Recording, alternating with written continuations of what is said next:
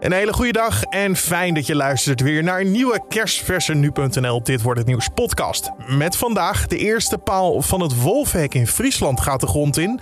De Gezondheidsraad adviseert over prikken vanaf 12 jaar. En in de staat New York start een gigantische zaak die draait om pijnstillers.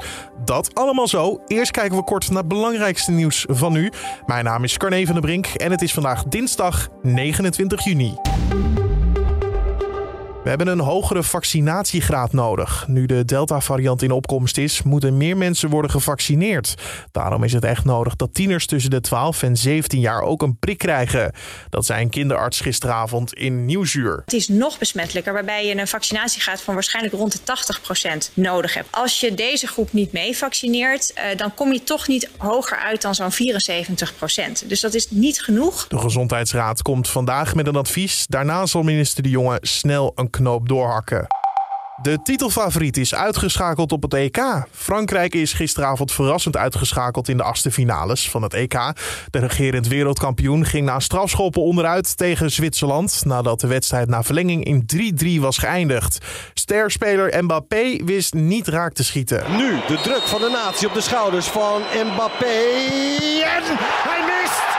Sommer pakt die inzet. De Zwitsers mogen juichen. Wereldkampioen Frankrijk is uitgeschakeld. Zo was te horen bij de NOS. In de kwartfinales neemt Zwitserland het vrijdag op tegen Spanje. Dat eerder op de dag in een spektakelstuk naar verlenging met 5-3 te sterk was voor Kroatië. De extreme hitte blijft het westen van Canada ontregelen. Er zijn al bijna 60 hitterecords gebroken. Gisteren werd de hoogste temperatuur ooit in het land geregistreerd, nadat een dag eerder dit record ook al was gebroken. In Lytton werd het 47,5 graden. En deze mensen bij Channel 4 hebben moeite met deze temperaturen. Yeah, it's hot. I mean, you just stand around and you're like, you can't breathe. It's so hot, at least for me. Definitely have to wear shoes. Yeah, yeah, the pavement, even grass, really you're just like, whoop, no thank you. Het dagelijkse leven wordt goed ontregeld door de warmte. Scholen en universiteiten hielden de deuren gesloten en ook enkele vaccinatielocaties annuleerden afspraken om drukte te voorkomen. Enkele sporthallen en bibliotheken zijn ingericht als koelcentra, maar ook voor de komende dagen worden nieuwe weerrecords verwacht. De hittegolf blijft namelijk mogelijk nog tot zeker volgende week aanhouden. Door de coronacrisis gaven de overheid, verzekeraars en Nederlanders zelf vorig jaar 8% meer uit aan zorg dan in 2019. Dat meldt het CBS op basis van voorlopige cijfers. In totaal werd er 116 miljard euro uitgegeven. Een belangrijke reden waarom de uitgaven het afgelopen jaar zo sterk gestegen zijn, is volgens het CBS de uitkering van de steunmaatregelen om de coronacrisis te overbruggen. Per persoon stegen de zorguitgaven met 475 euro. En dan over naar de dag van vandaag. De voormalige commissaris van de Koningin, Hans Wiegel, slaat de eerste paal voor de bouw van het wolvenhek in Friesland. Dat hek moet wolven tegenhouden en het vee van de boeren in Friesland beschermen. Nu de eerste paal geslagen wordt, betekent dat dan ook dat de rest van het hek snel volgt. Je hoort Jehan voorzitter van stichting Wolfhek Friesland. Nee, dat denk ik niet. Dat is even, eh, even te kort door de bocht. Eh, de eerste paal die is onderdeel van een pilot van een paar kilometer lengte. En dat hebben, we- daarvan hebben we gezegd van we willen eigenlijk proberen voor het eind van de zomer dat die er staat. Eh, maar daarna zal er nog veel eh, overleg en eh, andere dingen moeten komen om, om de dat ook te laten komen. Maar die pilot, dat, die is echt bedoeld om eh, straks iedereen te laten zien van jongens, op deze manier eh, zo ziet het hek eruit. Eh, zo willen we met de, met de overgangen in het hek omgaan. En eh, zo zou het kunnen. Wat voor schade richten de dieren dan mogelijk aan? Ja, nou, wat de schade, de schade die de wolf aanricht, die is veel groter dan bedragen. En die zou ik ook niet in, in, in bedragen te vatten. Eh, want je zit met de, eh, Je houdt het gewoon psychisch ook niet vol. Als je keer op keer eh, eh, geconfronteerd wordt met wolven die jouw eh, schapen of andere dieren eh, eh, doodmaken. Kijk, hier in Nederland spreken we hoofdzakelijk nog over schapen.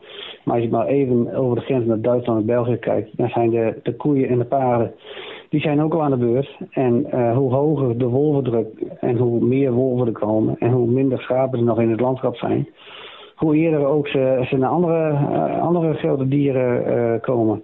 En ehm, kijk, eh, financieel, eh, ja, eh, is, is wat nou alleen hebben ze een subsidieregeling alleen voor de directe schade. Dus als, als iemand dood als, als ze dood zijn.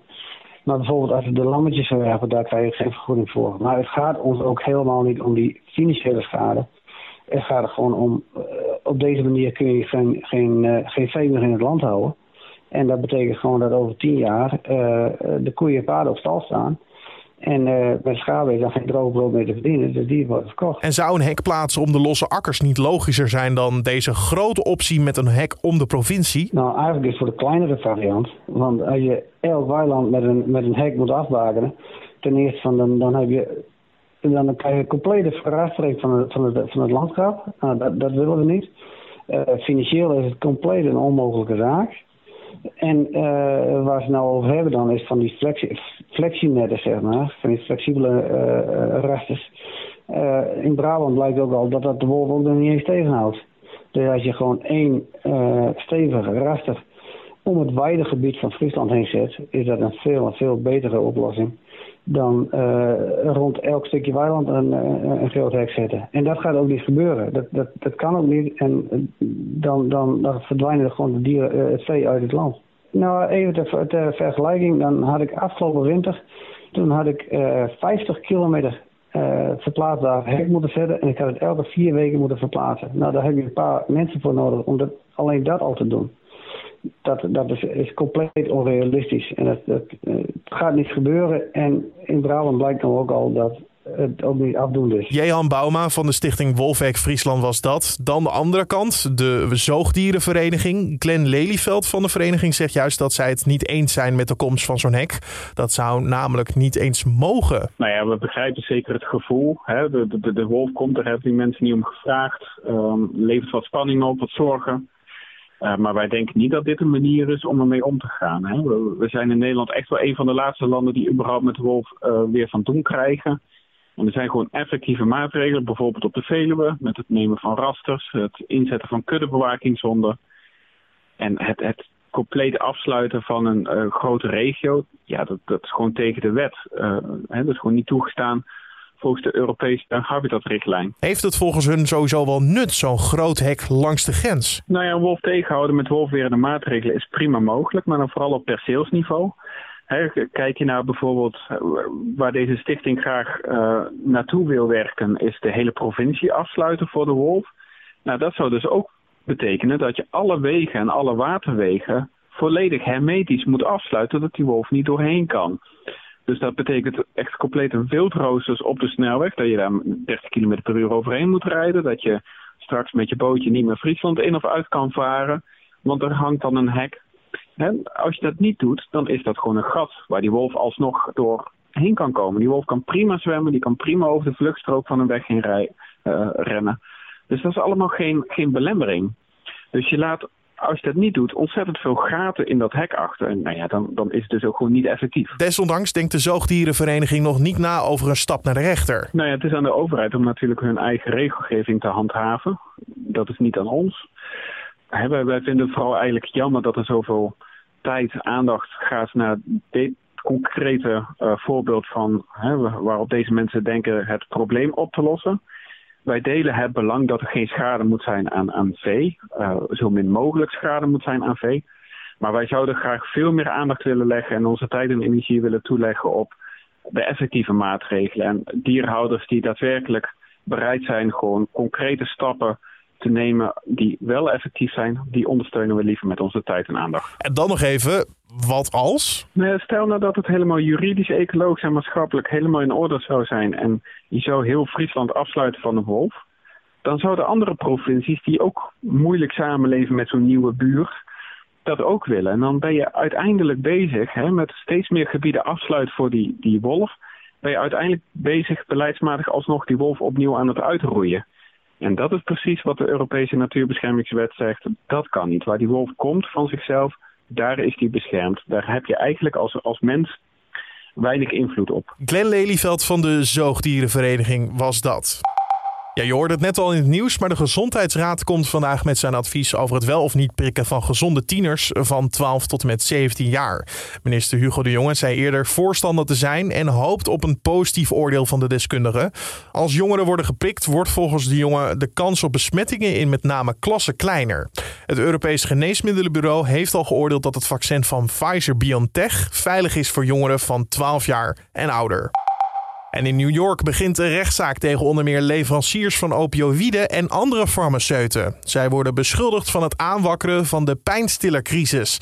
Opioïden zijn zware, morfineachtige pijnstillers die in het verleden in de VS zeer gemakkelijk werden voorgeschreven.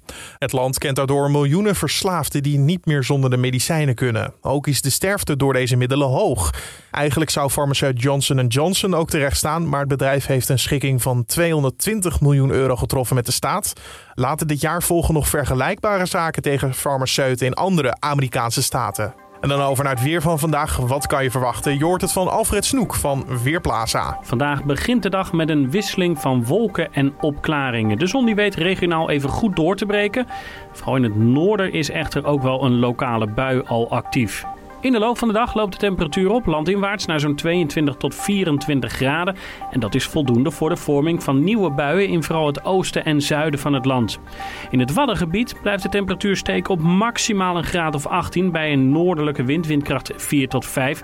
Maar in dat deel van Nederland lijkt het verder de hele dag droog te blijven met af en toe zonneschijn. Dankjewel Alfred Snoek van Weerplaza. En om af te sluiten nog even dit, want de Griekse politie heeft twee gestolen schilderijen van Piet Mondriaan en Pablo Picasso teruggevonden. Het gaat om werken die in 2012 werden ontvreemd uit een museum in Athene. De werken zijn teruggevonden ten zuiden van Athene. Ze lagen verstopt in het huis van een man.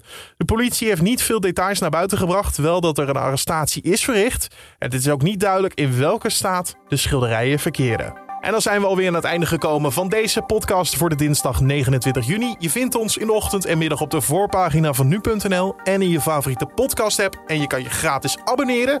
Maak ons ook heel blij met zoveel mogelijk sterren achter te laten bij Apple Podcast als je een recensie wil schrijven. Daar zouden we heel blij mee zijn. En je kan ons eh, vragen, feedback of eh, andere suggesties doormailen naar ons mailadres podcast.nu.nl. Mijn naam is Carne van der Brink. Een hele mooie dag vandaag en tot de volgende.